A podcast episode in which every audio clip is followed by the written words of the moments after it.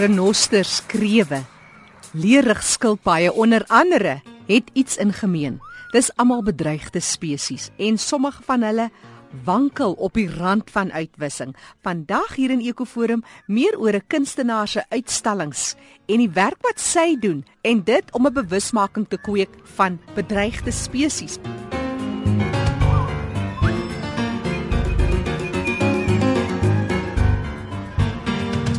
Sy vertel ook van haar vakansiewerkswinkels vir kinders, juis om hulle meer te vertel van diere by die see. Nou sy verwys na die leerrig skilpaadjies.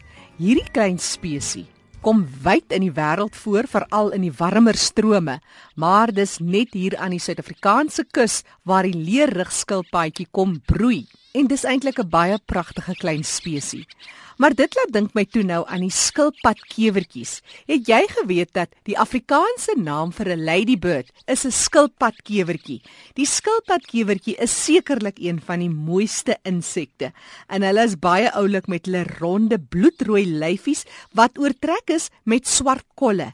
Die meeste diere en voëls laat egter hierdie skilpadkewertjies of die ladybirds met rus want hulle skei 'n stof af wat baie sleg smaak en giftig is vir party diere en voëls. Dis is omgewing en natuurprogram Ekoforum. Ek gesels nou met Iwet Weyers. Jy sal dalk haar man Marius Weyers, bekende akteur onthou, maar Iwet doen haar eie baanbrekerswerk. Hierdie beeldhouer werk veral met klei en haar beelde is uniek en elkeen het 'n storie. Sy dig ook graag saam met hierdie werke. Dis juis by 'n uitstalling waar ek vir Wet raak geloop het en sy het 'n baie kragtige beeld gehad van 'n renoster wat op 'n horing, die punt van 'n horing staan, ook die simbool van hierdie spesies wat ook so wankel op die punt van uitwissing. Iwet vertel ons dis haar pa wat hierdie liefde vir die omgewing, vir die natuur, vir diere, voëls en ander spesies aangewakker het. Ek wil net eers sê jy weet uh, my pa het my van kleins af geleer om liggies op die aarde te trap.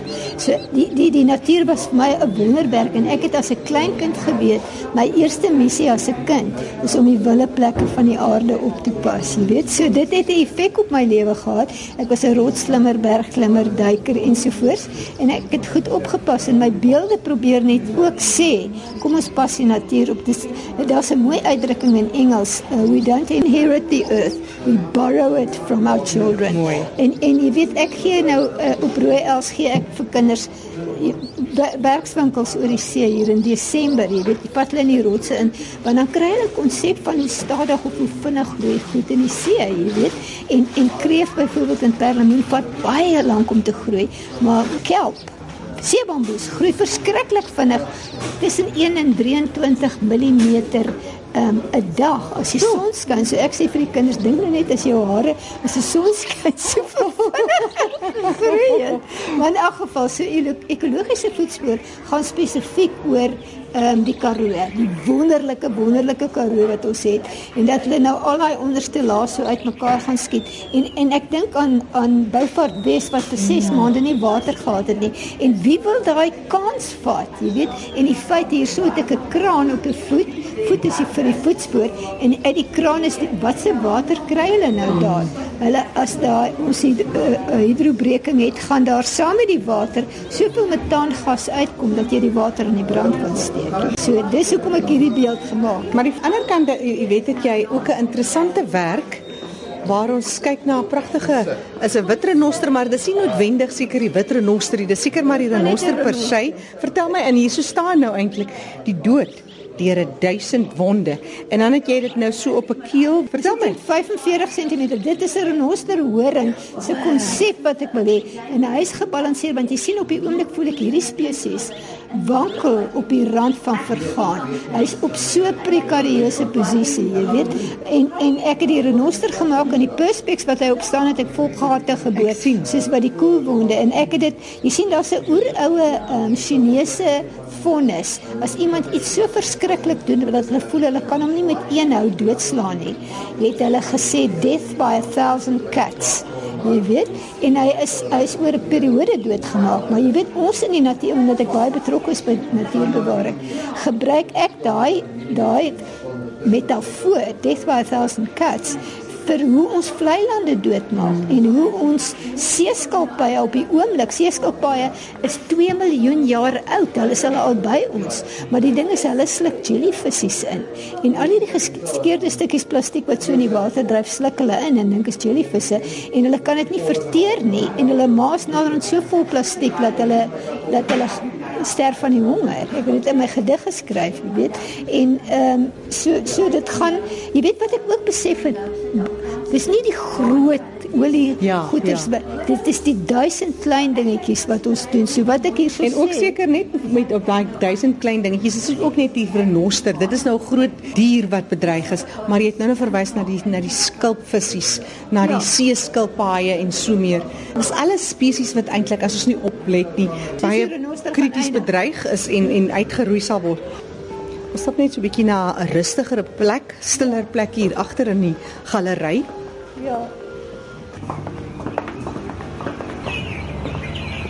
Ek het net besef, jy weet, wat my pa my geleer het, het so 'n enorme effek op my gehad. En my lewe was ontsettend ryk. Ek was 'n rotsklimmer, ek het geduik, ek het in die Drakensberg en hoeveel bergreekse geloop en dit my lewe soveel ryker gemaak. Dis hoe my kinders leer om ek leer vir hulle ook hoe om saam met Bobbejane te leef, jy weet. Uh, Bobbejane is nie roofdiere. Bobbejane het nie 'n instink om iets te jag wat by hom verbyhardloop soos wat ons honde as roofdiere daai instink het. So dis sommer twak dat bobbejane mense aanval. As bobbejane baie kwaad gemaak is, soos in Pringle Bay waar hulle die honde op die bobbejane gesit het, het die bobbejane die honde aangeval. Maar jy weet die kwessie is, 'n bobbejaan gaan jou nie aanval behalwe as jy in sy kleintjie vat en hy hoor sy kleintjie skree of as jy hom in 'n hoek dryf. Jy weet hy's nie 'n roofdier nie. Maar ek het net besef 'n mens moet mense herinner as die duisende klein goedjies. So ek sal vir jou die eerste een lees en dan 'n stukkie oor die renoster. 'n Malgas verstrik in plastiek lê op ons strand. O, ek en Marius het so malgas losgedraai het al die plastiek in vislyn. Hoe raak seevoëls verstrik deur duisend nalatighede? Hoe bloei vlei lande dood? 'n Duisend onverskillige Duisend bedrieglike flenters geskeurde plastiek in die see dryf nes jellyvisse. Walvisse sluk hulle in. Met maag vol plastiek eet leerig skilpaaie hulle en sterf van die honger. 'n Walvis spoel uit op die strand 1 ton plastiek in sy maag. Beere gefolter in China se gal word medisyne. Honde gemartel in Korea vir quasi opkikkers onkunde misbruik deur gieriges die dood deur 1000 ponde renosters pynlik geslag in Afrika vir rykdom uitbuiting van bygelowe oor seks en jagsyd 'n spesies wankel op die rand van vergaan Death by a thousand cuts, antieke Chinese vonnis, langdurige teregstelling vir die onvergeeflikes. Vra nie vir wie die doodsklok lui nie, hy lui vir jou en vir my. Ons is almal aandadig. Hierdie gedig geskryf deur Iwet Weyers en dit is hier waar ek staan tussen haar kunswerke.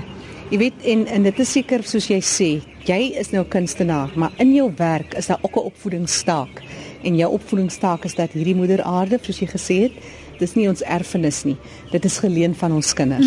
Mm, ja, dit is my baie goeie manier om dit te beskou. En jy weet ek ek vind hoe vinnig kinders 'n koneksie maak met die see. Jy weet baie maar kom daar stadskinders en hulle is verveeld op die rotse tot jy vir hulle begin vra net maar wat is 'n plant of wat is 'n dier hier rond en dan begin hulle geïnteresseerd raak en dan vind hulle uit hoe fantasties die balans in die see is dat dat weet jy 'n kreef in sy larwefase dryf al die pad met die Benguela stroom Suid-Amerika toe en hy dryf weer terug na daar waar hy min of meer tot stand gekom het om oor te gaan tot 'n volledige kreef. So jy moet en weet jy is krewe groot genoeg om uit te haal. Wyfie krewe is hulle 10 jaar oud.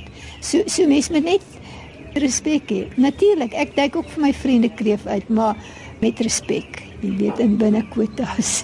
ja. En dit is nie verniet jy moet hom teruggooi as dit nie regte grootte is nie. Dit is ook ja, vir 'n rede. Dis dit is vir die spesifieke rede dan kan hy homself nog nie vervang nie. So as as as jy daarom wag tot hy 10 jaar oud is dan het hy al 'n kans gehad om homself te vervang in die see. Ja. En so gesels, jy weet, wy is altyd lekker om met jou te gesels.